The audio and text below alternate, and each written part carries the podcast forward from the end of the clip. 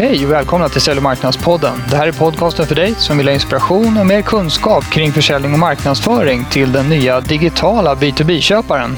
Idag har vi ett riktigt kanonavsnitt. Vi ska prata om digital transformation. Ett ämne som ligger mig mycket varmt om hjärtat.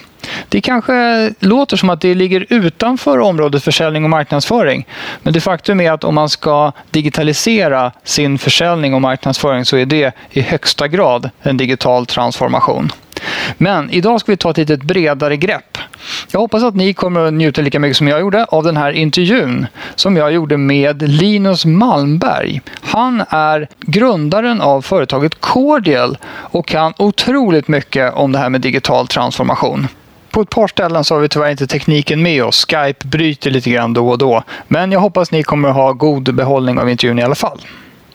Och jag ska inte orda så mycket mer om det utan vi hoppar över till intervjun med Linus.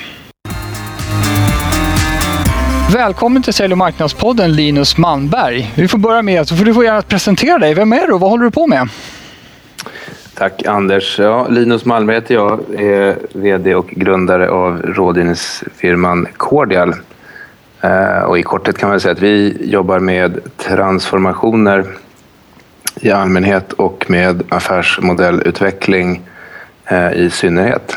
Så det ni har hållit på ett tag med det där va? Och med, med business process reengineering och så vad det hette från början. Ja, just det. Ja, det finns ju en historia det där. Jag, drog i, jag blev konsult i mitten på 90-talet och då var det mycket affärsprocesser och BPR och sådär. Och sen 2001 när jag startade Cordial så är det klart att hela processtänket fanns fanns väldigt centralt med och det är inte så konstigt för jag menar verksamheter är ju typ aktiviteter. Och idag ska vi prata om digital transformation. Vi gjorde ju ett poddavsnitt där vi nosade lite grann på ämnet, podd 43 vill jag minnas att det var. Eh, där pratade vi om det utifrån ett par undersökningar som vi hade grävt fram. Men eh, jag tänker att ni kan ju det här på riktigt, ni på Cordial, så att eh, det var ju kanon att vi kunde få tillfälle att pratas vid. Och som någon sorts inflygning till det här. Då, kan man beskriva vad det här med digital transformation är på någon form av konkret plan?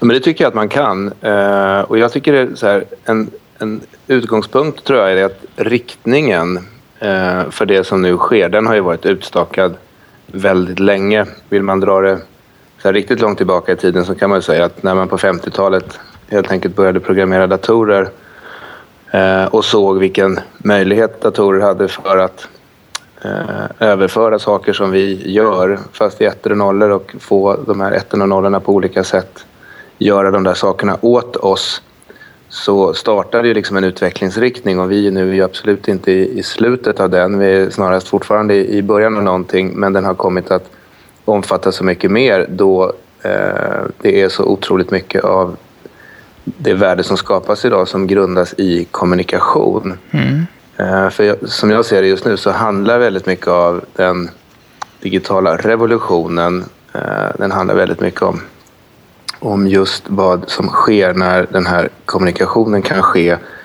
eh, på ett så omvälvande nytt sätt om man nu ska försöka koka ner det här till, till någonting. Mm. Så det, det, handlar om kommunikation, det handlar om utnyttjandet av, av IT i egentligen alla processer då på bolaget. Ja, just det. Ja, men det, där är, det där är ett väldigt bra För det handlar ju såklart inte bara om, om kommunikation, och i alla fall inte i liksom kanske ordets enklaste valör. Men på djupet så är det väl så att det är kommunikation även om man kan få en robot att börja göra eh, saker som man exakt vill att de ska göra så handlar det på ett sätt också om, om kommunikation. Men just nu så tror jag att mycket av det vi ser liksom när man pratar om digitala transformationer eller att man ska ge sig in i den här digitaliseringen i alla fall och kanske framför allt när det kommer till det som inte handlar om automation eh, i mer traditionell, eh, i mer traditionell industri så är det idag väldigt mycket en fråga om man kan säga, de processer som ligger ganska ytligt eller nära i gränssnittet mellan kund och, och leverantör eller mellan verksamheten och dess kunder. Då. Mm. Men det är klart att över tiden så kommer det där alltså hela digitaliseringen kommer ju att bli viktigare och allt viktigare för allt fler processer i alla verksamheter. Och det är väl liksom det jag kanske ser att nu handlar det hemskt mycket om hur man ska relatera till sin omvärld, hur man ska interagera med sina kunder, hur man ska nå sina kunder och kanske hur man ska distribuera till sina kunder. Men, men i allt ökande utsträckning så blir det också verksamheters själva karaktär och grundläggande förutsättningar för att fungera. Där slår också den här digitala tekniken in. Mm. Jag, jag, jag, pratade för, ja, det var kring nyår tror jag, med Magnus Höj om det här som jag tror vi båda två känner. Um, mm. Och då, var då sa han också att han, han tänkte sig att man skulle, när man tänker på en affärsmodell och en affärsidé, att man börjar med det digitala och sen funderar man ut om det finns något så att säga brick and mortar-aktigt i det här också. Det är en intressant tanke. Ja, men det är absolut en intressant tanke. Jag, jag är ju brinner ju rätt mycket själv för, för hela affärsmodelltänket och har jobbat med det i över tio år liksom, och även på konceptualiserat plan. Liksom. Eh, och min erfarenhet någonstans är att, att alltså, det, där, det där tankeexperimentet att vända på det, att gå liksom från två håll, att antingen tänka utifrån det digitala, vad det kan göra för en affärsmodell eller vad, vad en affärsmodell kan göra för det digitala. Det där är två bra perspektiv eh, att ha med sig in när man funderar på hur man ska liksom göra framåt. För att om man tittar runt omkring i världen idag så tycker jag att det, det är hyggligt intressant att de här företagen som kommer från någon helt annanstans eh, tar sig in i en bransch och etablerar sig som kanske den största globala aktören och gör det på väldigt kort tid. Mm. De gör ju det med utnyttjande av sin förmåga att tänka vad skulle den digitala tekniken kunna göra för taxibranschen? Eh, men det är bara när vi tittar på det som man ser det så. Grundarna av Uber, de tror inte jag tänkte att de skulle revolutionera taxibranschen. De, de, de kunde och såg vad digitala plattformar som kopplar samman eh, brukare och de som innehar liksom det efterfrågade, i det här fallet liksom transporttjänster. Och så liksom byggde de det utifrån det. Alltså de tror inte jag tänkte att vi ska bygga taxibolag. De ville bygga en plattform där människor på något slags kollaborativt sätt eh, kunde mötas eh, och få båda sina behov uppfyllda. Och, och det är liksom, där någonstans ligger den verkligt disruptiva kraften mm. i den, det digitala. Alltså att, att man kan vända upp och ner på en invand logik Eh, men då måste man också kunna någonting om vad den här liksom, vad, den här, vad den digitala möjligheten vad är den digitala potentialen. Det gäller ju för alla. Det gäller ju för alla företag från Sandvik ner till ja, men vilket litet företag som helst. Alla har, eh, det finns motsvarande säga, disruptiv kraft eh, om man bara förmår tänka utifrån liksom, det perspektivet. Det var någon som sa att eh, Uber är, är, en framtida riktigt vass konkurrent till Amazon. Och då måste man ju fundera lite grann över varför någon säger något sånt tokigt. Men det var ju det. Amazon bygger ju då väldigt mycket på den, en otrolig, smidig, centraliserad logistik och inköpskraft och sådana saker. Medan då Uber skulle bygga på att om jag vill köpa en bok så handlar det om att snabbt få tillgång till den boken. Det kanske är min granne som har den boken, är väl då teorin kring det där. Att mitt behov av boken kan då sammanföra på ett enkelt sätt med att det råkar vara så att min granne har boken. Så kan jag få den levererad till mig mycket, mycket snabbare än Amazon någonsin kan förmå. Ja, det där är ett sjukt intressant mönster tycker jag. För att Jeff Bezos drog igång eh, Amazon 95. Alltså han hade ju en bakgrund. Han var ju någon eh, broker eller han liksom jobbade på Wall Street. Liksom, så alltid varit techintresserad. Men det är klart att om han drog igång det 95, han startade som en bokhandel, han hade jättestor vision. Han såg att han ville skapa en marknadsplats på nätet där liksom man egentligen skulle kunna hitta vad som helst, utforska det och få det hemlevererat liksom, mm. snabbt med, med ett leende. Det var liksom grunden i hela hans oerhört revolutionära affär. Jag menar 95, det var två år före bo.com. Oh. Um, så att, men, så, men, han tog ju såklart ett, ett gammalt mönster eh, och byggde på. Alltså han hade ju inte den här tanken som, som ett Uber lever på eller ett Airbnb eller menar, det finns ju många liksom, sådana här sharingplattformar som helst. Mm. Eller liksom, plattformar för delning av olika slag. Helpling eh, för hemtjänster i Sverige till exempel. Just eh, men alltså, han byggde på en gammal modell och Uber bygger på en helt ny modell. Det som är coolt med Amazon är att man har ju, de har ju också tagit steget över i att förstå att den här delande plattformen är betydelsefull. De har till exempel startat ett sånt här home service-koncept också, alltså där man kan eh, erbjuda städtjänster, köpa städtjänster mm -hmm. och vad Amazon egentligen erbjuder är plattformen. Så det är klart att, att Amazon med den teknikkompetens som de har och den enorma portfölj av coola, nya, experimenterande affärsmodeller, mm. att de också tar sig dit. Men precis som du säger, Uber har ju byggt på en på den logiken från början och frågan är hur långt de kan ta Alltså hur långt kan man ta den grundidén eftersom man byggde den på en annan logik? Ja, det där, och det där tror jag man ska tänka på om man sitter och jobbar med affärsutveckling även i det lilla formatet. Att det är precis samma förhållningssätt som man ska ta till sin egen, till sin egen affär och stjäla med stolthet. Kolla vad de här gör. Alltså vad kan en, vad kan en Uber-logik, utan att man för den sakens skull vill bli ett taxiföretag, men vad kan den logiken göra relativt den egna verksamheten? Mm. Där tycker jag är ett bra startpunkt för digitalt tänkande eller liksom, om man vill, ska hänga med. Just det. Vi har pratat om digital transformation som att det är någonting man borde hålla på med. Men, men kanske nu för att slå i spiken ordentligt här, om vi ska ta den frågan. Varför ska man bry sig om det här som eh, vd-ledningsperson? Ja, men jag tror att man har all anledning och det här, det får ju verkligen, man får ju passa sig i, i inte minst i rådgivarvärlden liksom av att, att uh, skrika vargen kommer, vargen kommer för till slut så, så lyssnar ju ingen.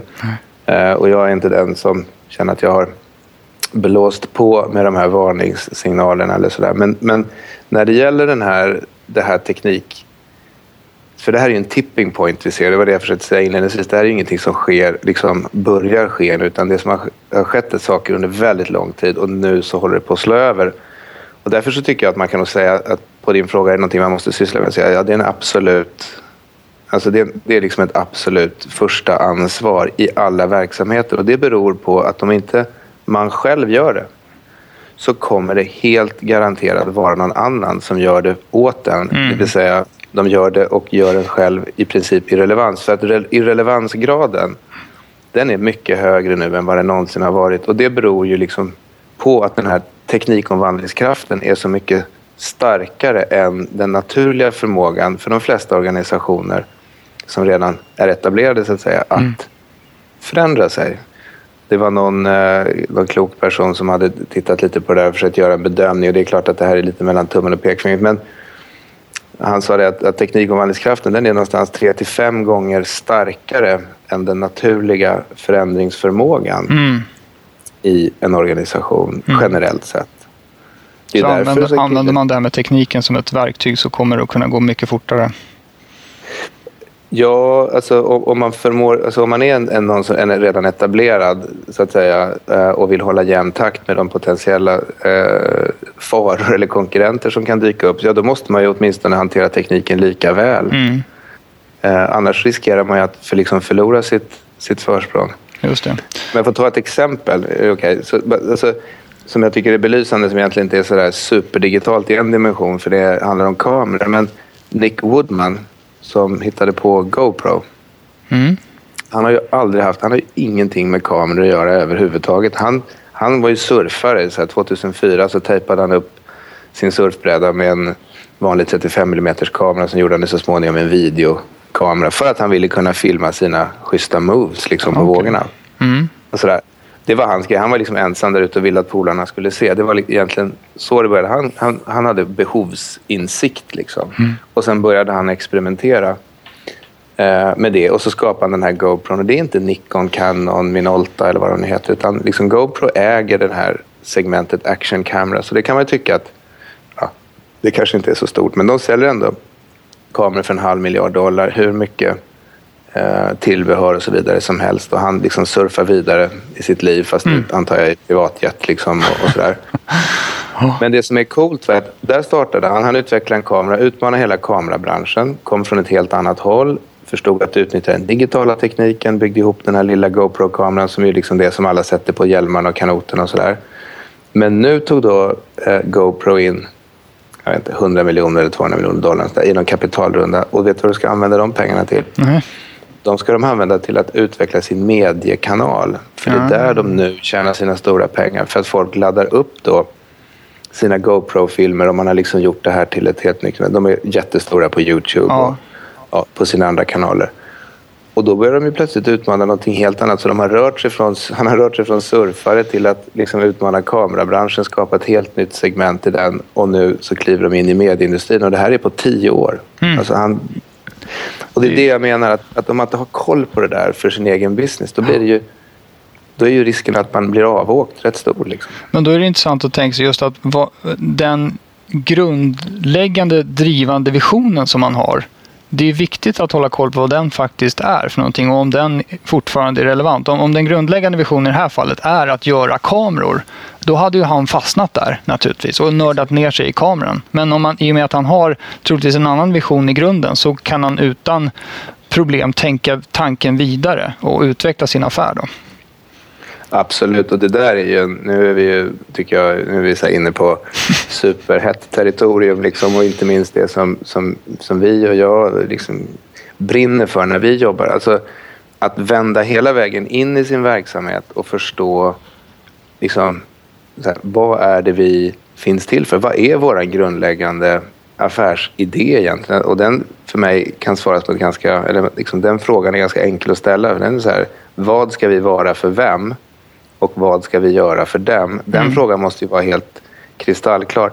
Och jag tror att väldigt många företag och verksamheter har anledning att ställa sig frågan om den definition som man har idag, om man nu har den konkret. Liksom. Det är inte ja. alla som har det heller. Just det. Är om den, om den håller. Ja, just det. Kommer den att, kommer den att klara tidens test? Sen, en, en annan sak tänkte jag på när du sa det här med, eh, med att det dyker upp som, som GoPro som ett bolag. Det här som om man sitter som eh, vd eller ledningsperson och har konkurrentbevakning som en av sina grejer. Det, mm. det går ju det låter som att det går ju inte att hantera det på ett traditionellt sätt. Att om man är trea i branschen så håller man koll och försöker sno från ettan och tvåan. Utan det kan ju komma det kan ju komma folk från vilket håll som helst helt enkelt. Absolut. Och det där med att alltså, är, man, är man branschledare då ska man ju hålla koll såklart på eh, sin nummer två och tre om man ska förenkla lite. Är man branschledare så ska man alltid hålla koll på vad, vad de som är, liksom, ligger efter och försöker ta första platsen. Kolla vad de gör och såklart så fort de gör någonting försöka täppa till. Det är en mm. klassisk konkurrensstrategi. Mm. Men är du två, tre eller fyra så har du egentligen ingen anledning att titta på marknadsledaren för du måste ju på något sätt hitta ditt eget sätt att vinna kunderna. Eh, så det är liksom den ena dimensionen av det du just sa. Men det andra som är ännu viktigare det är att Alltså, jag tror att det var Bill Gates som sa det någon gång. Jag tycker det är väl funnet. Han sa att liksom, jag är inte ett dugg orolig för vad våra konkurrenter gör. De har jag ju stenkoll på. Det som oroar mig det är ju vad sånt som pågår i garage där jag inte kan få titta in. Just det. Alltså det som ligger under radarn. Mm. Och så är det ännu mer på ett sätt nu. Och då tycker jag att så här, till, till lyssnaren av den här podden så tror jag att om, om det är någonting man ska ta med sig hem så är det följande sentens. Och det är att om man kan gå till jobbet varje dag och som en första fråga ställa sig så här, vad är det värsta tänkbara som den mest otänkbara aktören där ute skulle kunna göra som utmanade vår verksamhet på ett sådant sätt att den skulle utsättas för fara. Mm. Och sen går man till jobbet och försöker göra det själv. Ja, just det. Om man, liksom kan, om man kan köra den principen så kommer man liksom att vidga sina alltså säga, spaningsfält. Alltså man kommer kunna titta mycket längre utanför sin egen verksamhet. Det kanske är mycket viktigare för ett, ett svenskt industriföretag eller ett traditionellt tjänsteföretag i någon bransch som har funnits väldigt länge att titta på, på branscher liksom som, som ligger väldigt långt ifrån dem själva eh, och hur de har gjort. Kanske de som ligger tidigare i de här omställningsfaserna och försöka låna, alltså låna från dem. Varför inte titta på hur bokbranschen eller musikbranschen eller liksom hela eh, soft, alltså mjukvarubranschen mm. har liksom gjort sin omställning till, till software as a service eller mm. molnbaserade tjänster. För de har, liksom, de har ju tvingats och gått ganska tidigt i den här mm. transformationen. Ja. Just det. Eh, och det är kanske viktigare att kolla på dem än att kolla på vad konkurrenterna har för nya produkter eller, eller erbjudanden. Liksom. Ja, just det.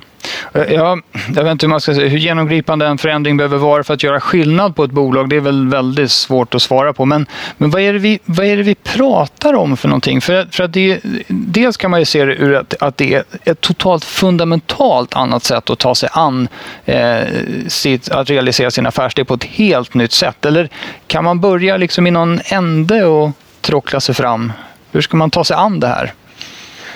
Men för det första så tror jag att, att det finns en så grundläggande princip för entreprenörskap eller liksom, som, ju, som är precis lika giltigt för att jobba med affärsutveckling. Och den går någonting i stil med liksom think big, alltså tänk stort, act small. Eh, här, ta ner det till någonting som man kan testa och start now, det vill säga börja nu, vänta inte. Mm. Och det tror jag kanske är det, för den som liksom inte redan är på det här tåget, om vi tar det först, då tror jag att det där är nog en, en ganska smart sätt att att eh, ta sig an det. Det vill säga, vi säger nog, du och jag överens om det Anders, att, att det här tåget går. Så det är nog inte en fråga om om, utan det är mest en fråga om hur och så, möjligen när. Och, och, och när-frågan jag tror vi kan besvara, det är nog nu. Det är nu, alltså, ja. Mm. ja att, att det här är nog någonting som, eller det är inte bara nog, det här är någonting som alla behöver ta in och göra någonting åt. Men man kanske inte behöver gå liksom all in, alla processer och känna sig stressad i alla dimensioner. Utan jag tror att man ska försöka lyfta blicken lite grann och se kanske så här, var är vi mest hotade eller liksom, var är vi mest utmanade av andra som har liksom utnyttjat den här digitala tekniken. Det är en bra första steg att ta för ser man att det finns sånt, då måste man väl börja i den änden. Mm. Den andra dimensionen skulle vara att fundera på vad kan vi, vad kan liksom vi få mest ut av att liksom utnyttja eh, den digitala tekniken eller liksom digitaliseringen. Och där tror jag att det för väldigt många företag faller sig naturligt att börja i kommunikation. Mm. Kommunikation, marknadsföring, utnyttja sociala medier, sänka transaktionskostnaderna för kontakt, eh, öka spårbarheten, bättre förstå vem man pratar med, kunna kommunicera i fler kanaler. Alltså hela omnichannel-tanken. Mm. Den kom ju väldigt tidigt liksom in i de här processerna för att jag tror att att de flesta företag och, och verksamheter ser att de har mycket att vinna där. Mm. tycker jag vi ser på svenska myndigheter och så där också. Hela e-interaktionen och, och så. Att det, där går ju ett tåg liksom. Men jag satt igår, eh, bara med, för, ta den, med ett, med ett jättestort företag, svenskt företag där de hade eh, kommit på att de skulle kunna automatisera eh, hantering av, av eh, dokumentation och avtal, avtalshantering kring sina leverantörer det business-caset i och för sig var mycket pengar. Mm. Men i mm. sammanhanget så var det liksom, det syns ju inte på bottom line i en så stor koncern som det här företaget. Men de ville göra det ändå. Och det var dels för att underlätta för dem, alla de människor som är involverade i de här administrativa processerna, men också för att göra en, en, en, tydlig digital markering internt. Att vi kan liksom inte prata om att vi är ett företag som sysslar med, med digitalisering liksom, i ena dimensionen och kanske till och med säljer den typen av tjänster och, så och sen själva sitta och hantera pappersavtal. Liksom. Det går inte. Ja, just det. Och med det sagt så tycker jag att skalan är väldigt stor. Liksom. Det kan ju vara att man, man inser att äh, vi måste ändra hela vår... Alltså grunden för hela vår affärsmodell måste förändras till att liksom, nej, men vi ska utnyttja den digitala tekniken för att effektivisera våra processer. Och då kan de processerna vara stödprocesser internt eller de kan handla om liksom kommunikation eller marknadsföring eller försäljning eller vad det nu är för någonting som sker i de gränssnitten. Mm. Eh, men det behöver inte vara allt det där för att man ska liksom gå ombord på tåget. Utan man behöver, men man behöver börja någonstans tror jag. Just det.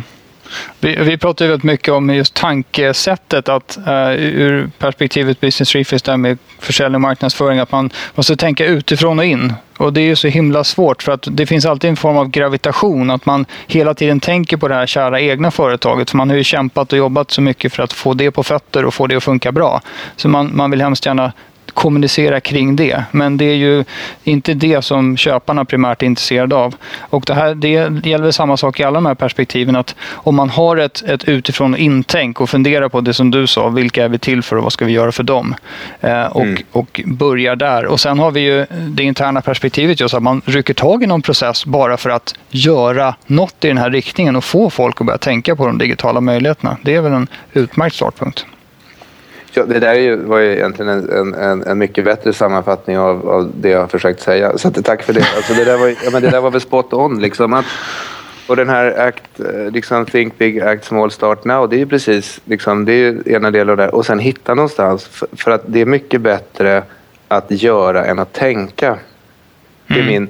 Alltså, här, strategiformulering, superviktigt. Analys, jätteviktigt. Och, liksom, och så. Men grejen är att alla har ungefär tillgång till samma samma information och de flesta verksamheter har liksom såklart en hög analytisk kompetens liksom för det som man måste lista ut. Liksom. Så det gör att det finns ganska bra shortcuts, liksom genvägar till, liksom, genom att titta på andra så behöver man inte lägga riktigt lika mycket tid på det där och istället kan man allokera mer av de här resurserna liksom, internt för att faktiskt göra. För att det är min absoluta Eh, slutsats av de här sista åtta, nio åren som vi har varit väldigt fokuserade på, på den här omställningen. Det är att det som skiljer ut agnarna från vetet, det som, det som skiljer ut de här företagen som vi läser om i, i tidningarna varje dag som liksom lyckas och sådär. Det är ju att de förmår göra, det är inte att de har kommit på världens, Uber är inte världens smartaste eh, tekniska lösning. Det går säkert att göra den där bättre. Man kan säkert problematisera och tänka. Och det, fanns, det, finns, det fanns ju hur många ifs and buts, men de körde liksom ändå. De, de körde. Ja. Eh, och jag tror att den här, vi kallar det, på Cordial pratar vi om genomförandekraft. Eh, man kan prata om execution power. Det finns säkert liksom enklare svenska ord, liksom, till exempel att skriva till, skriva till verket eller gå från ord till handling eller whatever. Men det är det det handlar om. Mm.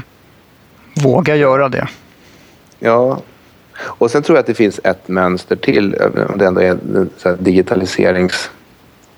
Eh, podd och vi pratar om det. det är att, alltså, General Electric det har varit ett av de riktigt stora företagen under hela 1900-talet. De är fortfarande jättestora eh, och den nuvarande koncernchefen Jeff Immelt han har liksom på tar det här stora industrikonglomeratet kan man säga att det är in i sin, liksom i sin nästa fas. Så de gör det otroligt skickligt och det kommer alltid finnas behov av den typen av verksamheter och han digitaliserar naturligtvis det han kan. Liksom. Men de gör ju allt ifrån flygmotorer till vad heter det, så medicinska kameror. Och, alltså, mm. De gör ju turbiner, alltså, de gör hur mycket som helst. Ja. Men vet du vem som startade General Electric? Nej. Det var Thomas Alva Edison. Ja, det var han. Mm. Ja, och då är det lite intressant för de heter General Electric. Mm. Eller hur? GE. Mm. Eh, men det var inte Edison som uppfann elektriciteten. Nej. Utan elektriciteten uppfanns av en, ja, det tvistas lite om exakt vem det var, men det man brukar säga att liksom den personen som kom på el, det var Nikola Tesla, en mm. kroat. Liksom. Mm. Det är därför man pratar om Tesla. Han kom på elektriciteten. Det, det Edison gjorde var att komma på glödlampan. Alltså mm. Han såg vad denna nya banbrytande teknologi som var elektricitet, vad den hade för potential. Och sen så sökte han att realisera den här potentialen genom att skapa applikationer. Eller hur? Alltså man, man, kan koppla en glödlampa på ett elnät och så lyser den. Man ja. kan koppla en kylskåp på ett elnät så blir den kall. Man kan, ja, und so mm. weiter. Mm. Google har gjort samma sak. Alltså Google är ju inte... De, Google kommer inte på internet. Nej. Alltså, utan, de kommer inte ens på eh, sökmotorn. nej, de kommer inte ens på sökmotorn. Utan de startade upp liksom, och hittade sin algoritm. Och vi behöver inte ta hela den där storyn. Men mm. det intressanta är att Google är ju ett, ett GE 2015. De är ju liksom, det är inte General Electric, det är Google Everywhere. Mm. Därför att liksom, internet i sin här, vidaste bemärkelse finns ju någonstans överallt och Google ser till att vara på så, de, de ser till att vara på så många glödlampor som möjligt mm. på det internetet, även om inte allting sker i form av glödlampor. De gör ju massa olika saker. Men de har kapitaliserat på tekniken. Oh. Alltså jag teknologin, pratade... men, in, men inte uppfunnit den. Nej, jag pratade med en person igår just om det här med visioner för bolag. Så han tog upp exemplet, nu kan jag inte formulera exakt, men Googles vision just att digitalisera all information i världen. Det är en sån här häftig ja. vision. Det går, det går att jobba på rätt mycket med det. Eh, och Absolut. naturligtvis har de en affärsmodell på baken av det där som gör att de tjänar pengar på det. Det är helt grymt. de tjänar massor med pengar. Och det mm. coola är att de, inte, de vill inte bara digitalisera den, för det hade ju varit coolt i sig, men de säger att de ska organisera den. Mm.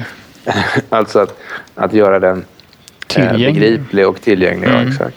Just det. Ja, intressant. Jag, tycker, jag hoppas att vi har inspirerat till nya tankar här ute, ute i den svenska myllan och få folk att börja tänka på hur de ska digitalisera sin verksamhet. Du, jag måste tacka dig jättemycket för det här pratet Linus. Det är superintressant. Jag tänkte bara fråga dig, vad, om man vill komma i kontakt med dig, hur gör man det enklast? Men du, det tror jag är, det kan man göra eh, väldigt enkelt eh, genom att till exempel skicka ett e-mail på linus.malmberg.cordial.se eller ja, söker man upp mig på, och oss på webben www.cordial.se. Grymt! Vad bra! Ja, stort tack till dig Anders. Ja, det var tack jättekul. Ja, visst. Ja, det är härligt med sådana här diskussioner. Man kan föra, ett ämne, föra en diskussion i lugn och ro. Sådär. Men eh, då säger vi så. Vi kanske får tillfälle att höras igen. Det gör vi alldeles säkert. Bra. Ha det gott. Tack, hej. Ja, hej då. Det här var ett avsnitt av Sälj och marknadspodden med mig Anders Hermansson.